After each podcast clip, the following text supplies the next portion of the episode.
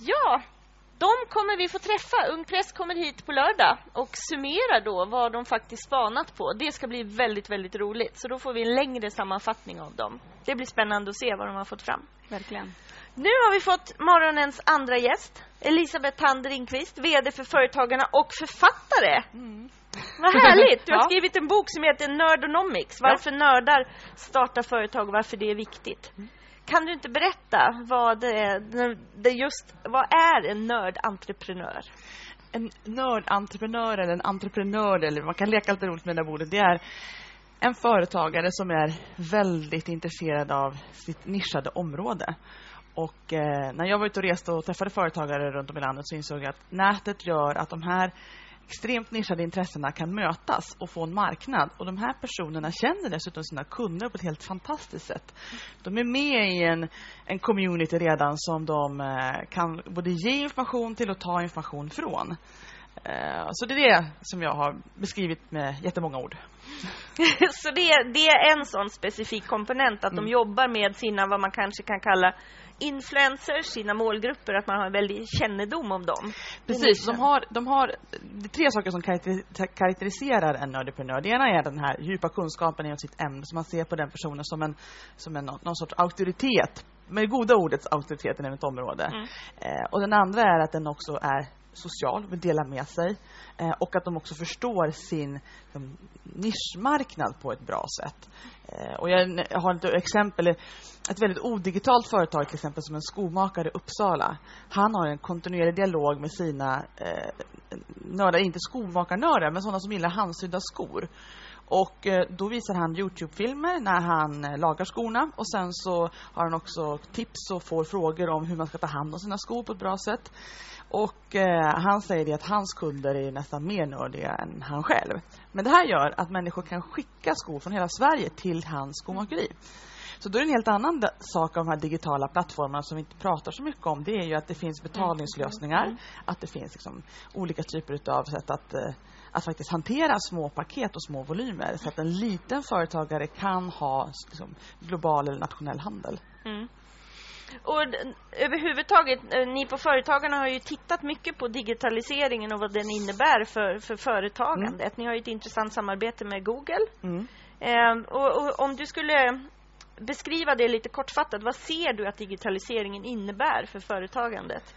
Digitaliseringen både i den här delen av marknadssidan men också om man går över till produktionssidan mm. till exempel med, eh, med 3D-printrar som gör att man kan använda göra små volymer.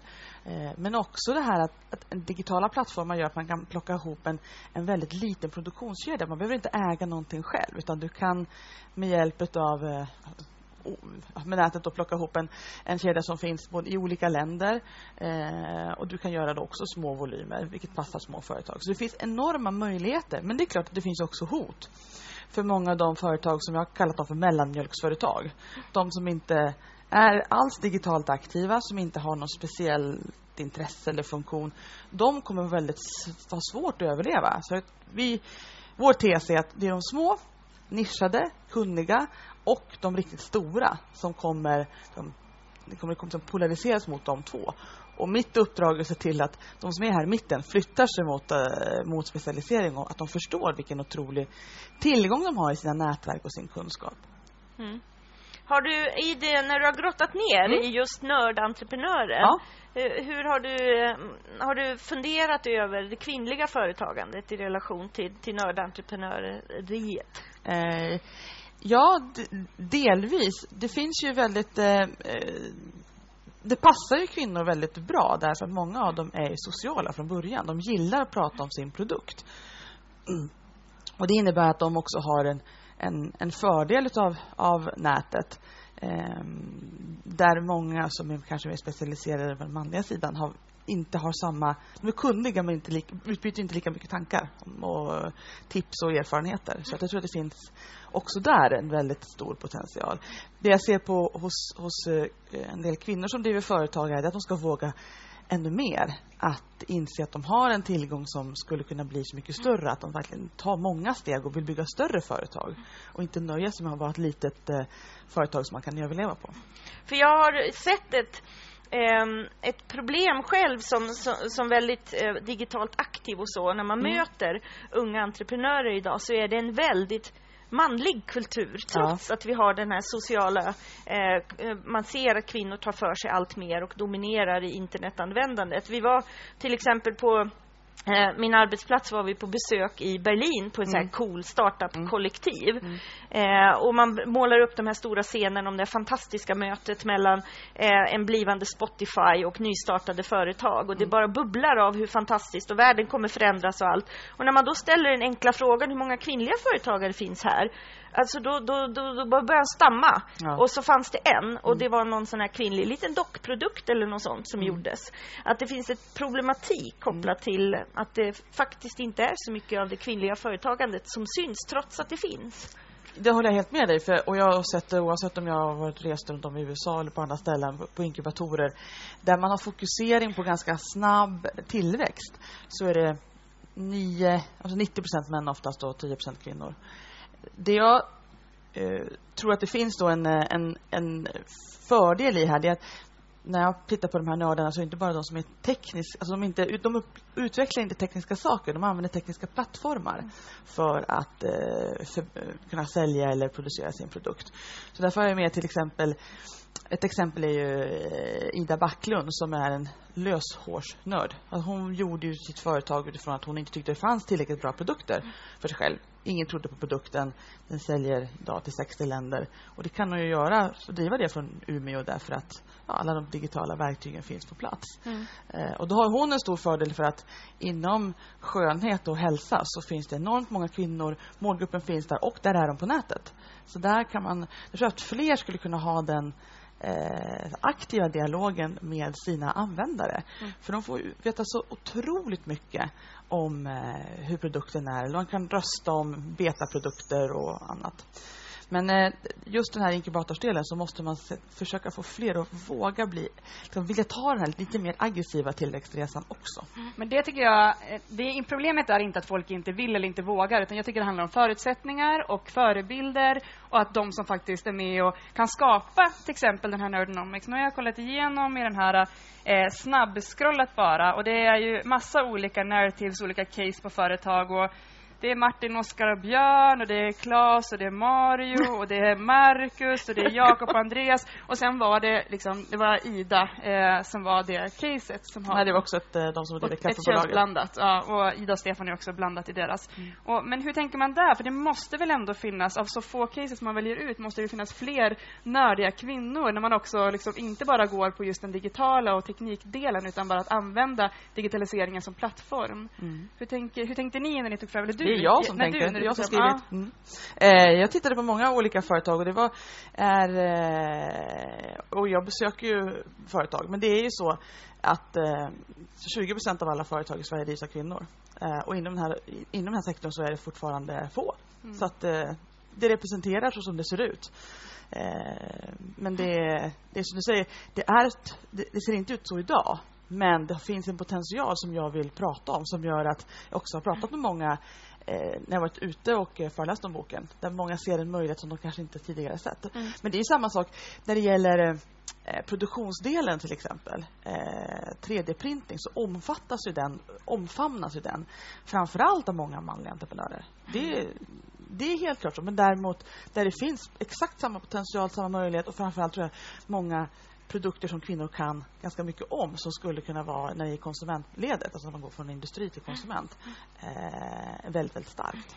Men det här är också en bok som du vill eh, diskutera fortsatt på Twitter. Så vi kan väl göra en absolut. Nerdonomics efterlysning som Ja. blir en uppföljning med massa kvinnligt företagande. Eh, få in aktuella exempel, för det är ju levande och den syftar ju till att inspirera fler att, att sätta igång och se hur företagandet kan utvecklas. Och tanken, ja, det finns en nerdonomics.se som är tanken att det ska vara ett forum där jag kan få in fler f- f- exempel på, på eh, företagare som, som lever i Nerdonomics och eh, eh, den finns där, den är inte så aktiv nu vilket är en tanke att den ska efter sommaren bli liksom ett starkare forum för, för diskussion och samtal. Mm, det tror jag behövs verkligen. Och, och särskilt för att lyfta fram allt det här som du eh, vet finns också. Mm. För det finns verkligen en bild och, och den gestaltas i ett sånt här som det berlinska startupet. Men samtidigt finns det eh, väldigt mycket andra sidor. Men det tycker jag man märker tydligt. Jag satt i en massa styrgrupper för kreativa näringar när det var så himla inne för ett tag sedan och skulle vara någon slags jämställdhetsexpert där. Och där när man då tänkte att vi måste få in fler kvinnor som kan söka de här bidragen. Vi måste få in då kanske kläddesign som en ingång. Kände jag jättebra. Men vi måste också se hur kan vi jobba för alla de övriga pengarna som var de stora pengarna där man jobbade just med digitalisering och IT. Hur kan vi där jobba för att få in fler kvinnor? Mm. Vad kan vi ha för olika liksom, skolor och för ingångar att, och förebilder? Mm. Eh, för att annars är man det för enkelt för sig, tänker jag. Och jag hoppas att fler, ju fler eh, kvinnor som har liksom gjort en, eh, en exit i ett bolag kan också investera i, eh, i, i nästa generations företag. Och investerare är ju sådana att man kan tänka sig att de alltid är logiska och rationella. Men ofta så investerar man inte i områden som man kan, eh, som man har kännedom om. Och där är det för få investerare som, som ser potentialen i många av de företag som drivs av kvinnor. Så att pengarna hittar inte riktigt dit. Alltså de personliga pengarna från de som har, som har uh, gjort sin tillväxtresa och, och, även den kunskap som behövs. Så att, um, hoppas kunna att fler eh, alltså riskkapital och annat mm. kapital som ändå driver mycket av de här storväxande företagen. Som jag inte har valt att lyfta fram så mycket i boken därför att jag tycker att det är så mycket fokus på riskkapital. Utan det, mycket, det finns många andra företag som växer. Men mm. de behövs. Mm-hmm. Mm. Det har jag tänkt på mycket också. Vad är en nörd och hur mycket det spelar roll också. När man ska med crowdfunding är också väldigt mm. diskuterat och använder det som verktyg. Och vi har till och med partier och ungdomsförbund som går ut och säger ta bort det statliga stödet till olika kulturaktiviteter in med crowdfunding och så. Och till företag också. Jobbar väldigt mycket i startups med det. Mm. Men jag känner verkligen någon slags dålig magkänsla där. Det är fantastiskt med crowdfunding. Vi använder det själva också. Mm. Men där handlar det ju så himla mycket om, än en gång, vi har ju olika maktordningar i samhället. Och jag känner att jag hamnar på högstadiet igen. Vem är mest poppis? Vem får mest liksom, delningar. Mm. Eh, och där tänker jag att också just maktordningen till kön kommer in väldigt mycket. Vem är en äkta nörd och vem ska vi supporta och stötta? Ser du några faror med crowdfunding utifrån det perspektivet? Nej, det har jag verkligen inte sett. Uh, finns det, är det så att det är uh, av de andelen som, som söker på crowdfunding att de får mer pengar om de är uh, män?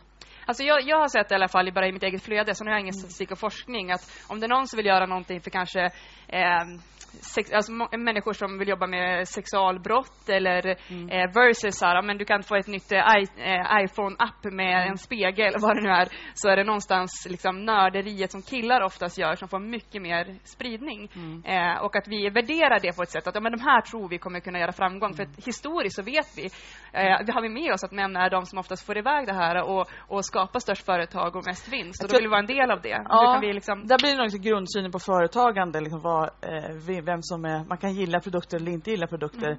Mm. Eh, men eh, produkter som säljer är också de produkter som får investeringar. Det är ju det är tyvärr så att om jag får av att sätta en krona i ditt bolag eller ditt bolag, då kommer jag välja ditt bolag. Mm. Eh, så då måste man hitta...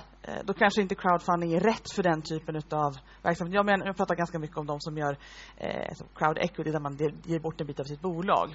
Mm. Men jag tror att det finns en stor möjlighet för att förmågan att beskriva och förklara på nätet, eh, den är ju mm.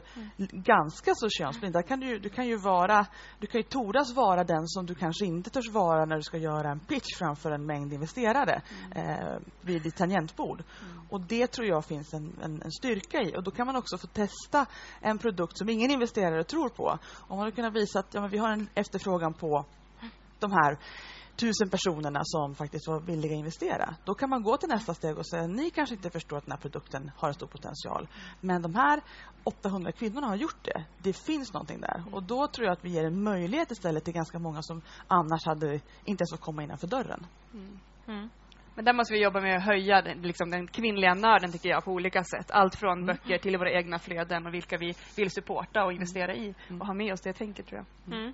För det är ju intressant. Jag har hört dig ofta prata om eh, hur man driver opinionsbildning idag. Mm. Och att det, att det eh, definitivt sker på andra arenor än bara i maktens korridorer idag mm. och så. Så det är väl ett, eh, ett tillfälle för dig här att berätta lite om, ni i Almedalen, vad gör ni, vad gör ni mer och hur driver ni opinion idag från företagarnas sida generellt så, för era frågor? Eh, generellt så försöker vi tänka på opinionsbildning i faser. Man har vissa faser när man kan vara inne och påverka partiets agenda därför de är, liksom, mm. de är ute och söker. Eh, Eh, men i den här fasen i år i Almedalen, då är det bara upprepat budskap. Det vill säga att fyra, fem jobb har skapats i de små företagen under de senaste 20 åren. Och, eh, det är ditt huvudbudskap Det är mitt huvudbudskap ja. här. För det är, om, de, om, man förstår det så kommer man också förstå hur politiken måste göras för att, för att stötta det. Mm. Eh, och eh, än så länge så um, går det ganska bra. Det är fler och fler som till och med använder uttrycket. Vi hashtaggar det. Vi använder det både i lokal opinionsbildning som insändare och vi använder det på Twitter och Instagram. Man kan eh, printa ut sina bilder på vår Instagrams-printer hos oss. Man hashtaggar 4 5 jobb. Så det gäller att använda alla de kanaler som finns och göra det ganska lekfullt. Det tycker jag är vår fördel. Vi är ju av entreprenörer för entreprenörer. Mm. Och det är helt okej okay hos oss att testa saker. Mm. Och funkar det inte så säger de flesta ja, ja, men ni provade. Uh, och det är någonting som vi kan uh, använda. För vi har inte så mycket att, vi har inte så mycket att försvara. Vi mm. pratar företagsfrågor, entreprenörskap. Mm. Ja, då ska vi också se till att efter det här få in ännu fler eh, kvinnliga Neuronomics-aktörer. Mm. Eh, och så får vi önska dig en trevlig Almedalsvecka helt enkelt. Tack så mycket. Eh, vad ska du göra idag? Är det något du vill lyfta fram? Eh, jag ska idag prata om eh, klimat och innovation bland annat med Haga-initiativet om hur småföretagen är en del av det. Det ska bli ganska roligt. Det är ett område som jag sällan eh, är med och pratar för det är alltid stora aktörer som är där så det ska bli ro riktigt roligt. Mm. Mm. Ja, bra. bra. Tack, Tack så mycket. Vi ska um, nu, uh, tror jag... Ska vi få höra vad Svensson har för sig? Nej, Nej det är faktiskt senare. Mm. Jag undrar vad vi har. Har vi något emellan? Nej, jag tror att vi ska få träffa vår uh, nästa gäst som är Jenny Bjur Berggren från Sischen